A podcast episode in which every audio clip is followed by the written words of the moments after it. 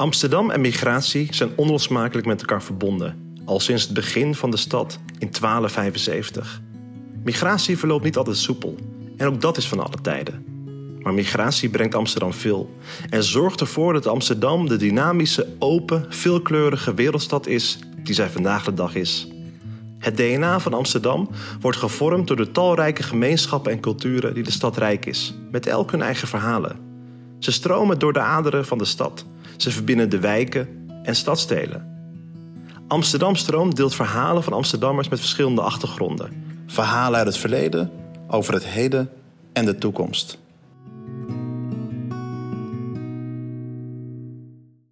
We zitten hier bij de Black Archives. We vertellen het verhaal over de Surinaamse migratie vanuit het perspectief van vier betrokken Surinaamse Amsterdammers die zich elk vanuit hun eigen passie en expertise bezighouden met en inzetten voor de emancipatie van Surinaamse gemeenschap in Amsterdam. De betrokken vertellen wie ze zijn en wat ze doen, hoe het is om Surinaams Amsterdammer te zijn, hoe de Surinaamse migratie verband houdt met kolonialisme en daarmee met het slavernijverleden. We spreken over de tijdsgeest in Amsterdam-Oost. Aangenaam, mijn naam is Leroy Molly, uh, geboren op 21 mei 1991 in Amsterdam. Uh, deels opgegroeid in uh, Amsterdam-Oost en deels ook in Amsterdam-West. Mijn vader en moeder zijn beide van Surinaamse afkomst, geboren in Suriname, geëmigreerd naar Nederland op verschillende leeftijden. Dus mijn moeder op de 15e en mijn vader volgens mij op zijn 18, 19 als ik me niet vergis. zelf ben ik een muzikant. dat is mijn, voornamelijk, mijn voornaamste beroep.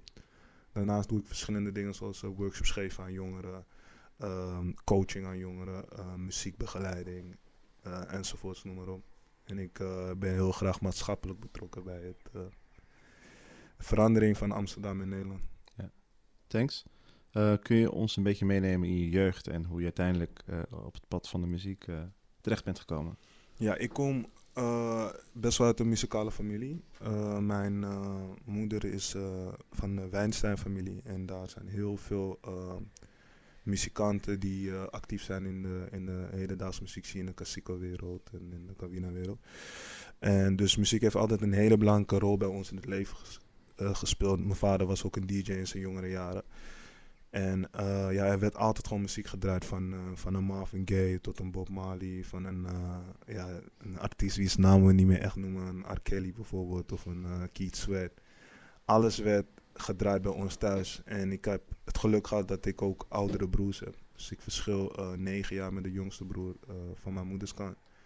Dus er zat een hele kloof. Dus hoe, hip-hop, hoe hun hip-hop meemaakten in hun jongere jaren, kreeg ik dat ook van, uh, als klein jong, jonkie meegenomen. Dus de Ghetto Boys, van uh, Tupac B.I.G., tot, noem maar op, dat kreeg ik gewoon mee. En ik kreeg zo verschillende songs dat ik altijd heel erg geïnteresseerd daarin was. En vanuit dat was het eigenlijk mijn uh, oudste neef, Gilly, die uh, oudere neef van mij, Gilly, die kwam een tijdje bij ons wonen. En ik uh, vond in zijn tassen vond ik, uh, rapteksten. En ik raakte dus daar zo, zodanig in geïnteresseerd dat ik het zelf wou proberen. En, en zo begon het balletje te rollen. Ik was eerst super slecht. Maar na 15 jaar oefenen en wikkelen ben ik denk ik wel ergens gekomen. Thanks. Um, het is natuurlijk een manier om jezelf te uiten. Ja, en zeker. dat is op basis van wat je ziet en, en, en, je jeugd. En kun je ons een beetje meenemen in je... Um, je, gewoon het opgroeien in, in Amsterdam-Oost? Het was relax. Ik heb uh, in verschillende fases ben ik in Amsterdam opgegroeid. Ik heb uh, tot volgens mij mijn zesde heb ik hier echt gewoond met mijn vader. Uh, toen zijn we naar West verhuisd en vervolgens vanaf mijn puberteit, dus vanaf mijn 15 16 was ik weer echt heel erg actief hier. En wat ik hier merkte is van dat het een hele warme stadsdeel is. En dat eigenlijk een ons kent, ons wereldje. In de zin van dat heel veel Surinamers hier uh, gezetteld zijn. En, uh, en je toch wel gewoon, dat mijn vader ook gewoon heel veel mensen kende waarvan ik dan bijvoorbeeld hun kinderen kende. En dat wij dan niet eens wisten dat onze ouders in contact met elkaar waren of überhaupt vrienden van elkaar waren. Dus uh, dat gaf mij een heel warm gevoel. En ook het feit dat er een dappermarkt hier op de hoek was waar wij altijd onze dingen konden halen. Ik heb heel veel mooie herinneringen aan deze buurt. En tot op heden woon ik nog steeds in dezelfde straat waar ik ben opgegroeid. Ja. Dus, uh, um, toen, kwam, toen kwam de muziek en uh, toen ja. begon je te uit in de muziek. Wat was voor jou je grootste drijfveer om... eh, en wat was het geluid wat, wat je wilde laten horen? Eh, het begon eerst natuurlijk met gewoon schrijven. Ze noemen het brek en boost, een beetje stoeldoenerij eh, op teksten doen. En ja, ik heb altijd wel vanuit huis uit meegekregen dat, dat, de ver- verhalen van een Martin Luther King, Malcolm X, een, Dead Press, dat dat is een rapgroep die mij heel erg heeft geïnspireerd. En, en, en het gevecht tegen ongelijkheid. En eh, heel toevallig eh, kwam ik een, ja, nu eigenlijk mijn broer Aquasi tegen. En die had, eh, dat was heel toevallig, dus dat was echt voor een workshop waar, waar, waar we een, samen een nummer moesten maken en een videoclip zelfs zouden schieten. En zo, zo hebben we elkaar leren kennen en dat kwam stil te liggen. En een paar maanden daarna vertelde hij me van, ik ben met iets bezig. En eh, hij wou mij graag daarbij betrekken. In eerste instantie als backup MC. En eh, wat ik heel erg, waar mij heel erg ins- inspireerde in het muzikaal, gebied, zeg maar dat hij eh, de dingen, de maatschappelijke kwesties aankaarten door middel van muziek. En zelf had ik dat nooit bewust gedaan, maar die maatschappelijke kwesties die speelden wel altijd in mijn hoofd. En ik was iemand wel altijd met een uitgesproken mening. Dus ik was niet iemand die, die mijn mond dicht hield als er onrecht eh, werd aangedaan bij iemand. En ik, ik merkte het zelf ook bij mezelf dat ik bij bepaalde baantjes niet aangenomen werd. Eh, dat bepaalde mensen angstig reageerden als ik langsliep. En ik wist nooit waar die angst vandaan kwam. Tot op heden nog steeds niet. ik weet niet waarom eh, de witte mensen bang voor ons zijn als wij eigenlijk alle, als alle slechte dingen eigenlijk bij ons aangedaan zijn. Maar ehm, toen dacht ik van oké, we moeten veranderen en eh, hoe gaan we die verandering aanbrengen? En ik ben het sterkst in dan muziek maken. Ja. Dus ik vond dat de ideale middel om mijn emoties te uiten en mijn gevoel en mijn beeld over de wereld duidelijk te maken. En dat heeft Aquasi zeker in mij getriggerd. Ehm, ehm, al- als tiener raakte je in een identiteitsconflict, als, althans, er staat hier op papier. En ik denk in een identiteitsconflict.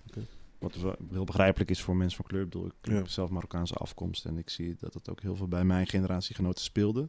Ehm, kun je uitleggen wat dat conflict was? Het was niet per se. Ja, het was een, een conflict van ik voel mij een Nederlander.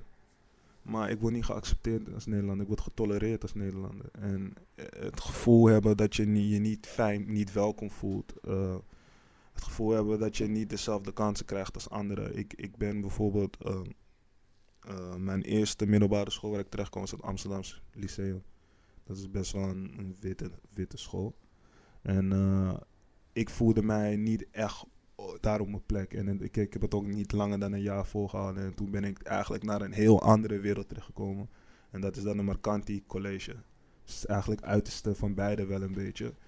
En eh, toen leerde ik mezelf echt kennen op een manier van... Hey, ehm, ik was een soort van vreemde eend in, in de bed zeg maar, van, eh, van de Surinamers. Vonden mij niet Surinaams genoeg daar van de jongeren. Omdat ik dan ja, heel Nederlands was en best wel, weet je, stoetje, zo noemen ze dat een stoetje. En ik, ik, ik gedroeg me anders, maar ik weet hoe Surinaams ik ben, omdat ik ben gewoon Surinaams opgevoed. Ik, ben, ik ken de geschiedenis, niet alles, maar ik ken een, belangrijk deel van de geschiedenis ken ik. En ik ken, ik weet waar ik over praat als ik over Suriname praat. Dus ik vond het heel vreemd. En eh, het is niet per se een, een identiteitsconflict, maar ik had wel het gevoel van ik wil weten waar ik vandaan kom. Ik wil weten wat mijn geschiedenis is.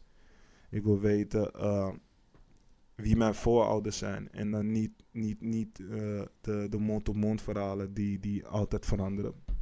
Eh, ik wil gewoon echt weten van, oké, wie, waar, waar, waar, waar, wie is mijn over, over, overgrootvader? Eh, tot op heden weet ik dat niet precies. En ik, ik ben nu bezig met een research daar naartoe te doen en ook een plaat daarover te maken over mijn ehm, muzikale heritage eigenlijk. Omdat muziek is een belangrijk onderdeel in mijn familie geweest. Waar komt dat vandaan? Eh, en ik heb het geluk gehad dat ik eh, afgelopen maand met mijn opa had kunnen praten. Die is inmiddels eh, 92. En eh, hij heeft mij op zijn eigen manier een korte samenvatting gegeven van de familiegeschiedenis van de Weinsteins. En het blijkt dat wij een hele rijke geschiedenis hebben. En die dingen werden nooit verteld. En dat wordt ook nooit verteld op school dat Surinamers een rijke geschiedenis hebben. We, hebben misschien ah, twee, drie alinea's over de slavernij. En voor de rest is het de Gouden Eeuw wat ze heel groot uit, uit en zeggen van het was een mooie tijdperk voor Nederland. Maar er zijn ook heel veel zwarte bladzijden die uitgelicht moeten worden. En daar ben ik door zelf research te doen en in gesprek te gaan met familieleden en geleerden en mensen met kennis, zoals bijvoorbeeld een Mitchell Isaiah, zeg maar. Uh, dan ben ik mij daarin gaan verdiepen. En heb ik het gevoel gekregen dat ik wijzer ben geworden. Want ik geloof in het principe van um, je moet weten waar je vandaan komt als je ergens naartoe wil gaan. En zolang wij niet weten wat bijvoorbeeld, ik noem het maar, een, uh, wat wij doen uit ervaringen die, die uit het verleden komen. Net zoals bijvoorbeeld hoe wij mannen uh, in moeite hebben met het binden aan één vrouw.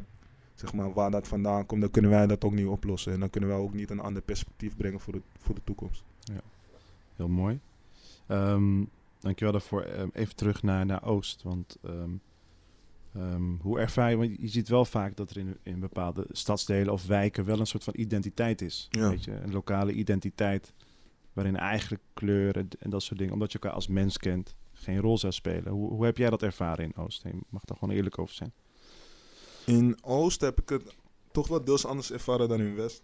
In Oost uh, zag ik veel meer mensen die, die, die op mij leken. Uh, ten opzichte van West. In West is uh, waar voornamelijk tussen ben ik tussen de Turkse en Marokkaanse mensen ben ik opgegroeid. En Nederlandse mensen natuurlijk. Wat helemaal niet verkeerd was, ook super chill. Ik heb nooit gekeken naar kleur, ik heb meer gekeken naar de persoon zelf. Hoe ben je als persoon? En in Oost merkte ik wel dat er een grotere Surinaamse gemeenschap was. En dat het een heel warme gemeenschap is. Ook best wel een oude gemeenschap eigenlijk. Dat, het al, dat ze best wel een aantal jaren hier al genesteld zijn. En, en het was toch net anders dan Zuidoost.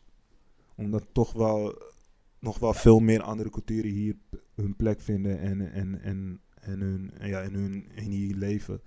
Dus ik, ik zou niet direct kunnen beschrijven wat er precies anders is. Maar ik heb wel een heel warm gevoel bij Amsterdam-Oost. Ja, dankjewel. Uh, tot slot, um, even naar de toekomst. Je bent natuurlijk, hè, je maakt muziek en je, Hmm. je wilt een, een, een, je ziet een andere type samenleving voor je. Hoe, hoe ziet die samenleving eruit? In wat voor samenleving zou je, je, je willen dat je kinderen, op, kinderen opgroeit? Uh, De ideale samenleving is dat mensen beoordeeld worden, worden op, op de persoon die ze zelf zijn. In plaats van uh, de standaard vooroordelen en stereotyperingen die, die ons als mens nu vormen. Ik, ik, ik, ik ben zelf ook schuldig daarin. Ik, ik kijk ook naar bepaalde mensen op een bepaalde manier. En ik, ik weet niet hoe ik dat moet veranderen. Maar wat ik wel weet is, uh, over een aantal honderd jaar zijn er geen volbloed witte kinderen meer. En ik denk dat dat de oplossing is. om te zeggen. dus ik zeg, ja, weet je, wat uiteindelijk... Uh, als bijvoorbeeld een, een, witte vrouw een kind krijgt met, met een zwarte man... dan gaat zij ook een... Zij krijgt een zwart kind. En ze krijgt een kind van kleur. Dus hoe je het draait of keert, zij gaat geconfronteerd worden met de dingen die haar kinderen overkomen. En dat kan misschien een trigger zijn om juist tegen die onrecht uh, op te staan en daartegen te vechten. Dus misschien is dat wel de ideale oplossing.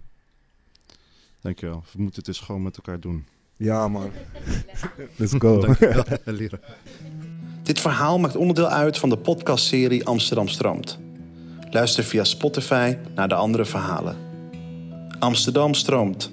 Amsterdam deelt haar verleden en Amsterdam deelt haar toekomst.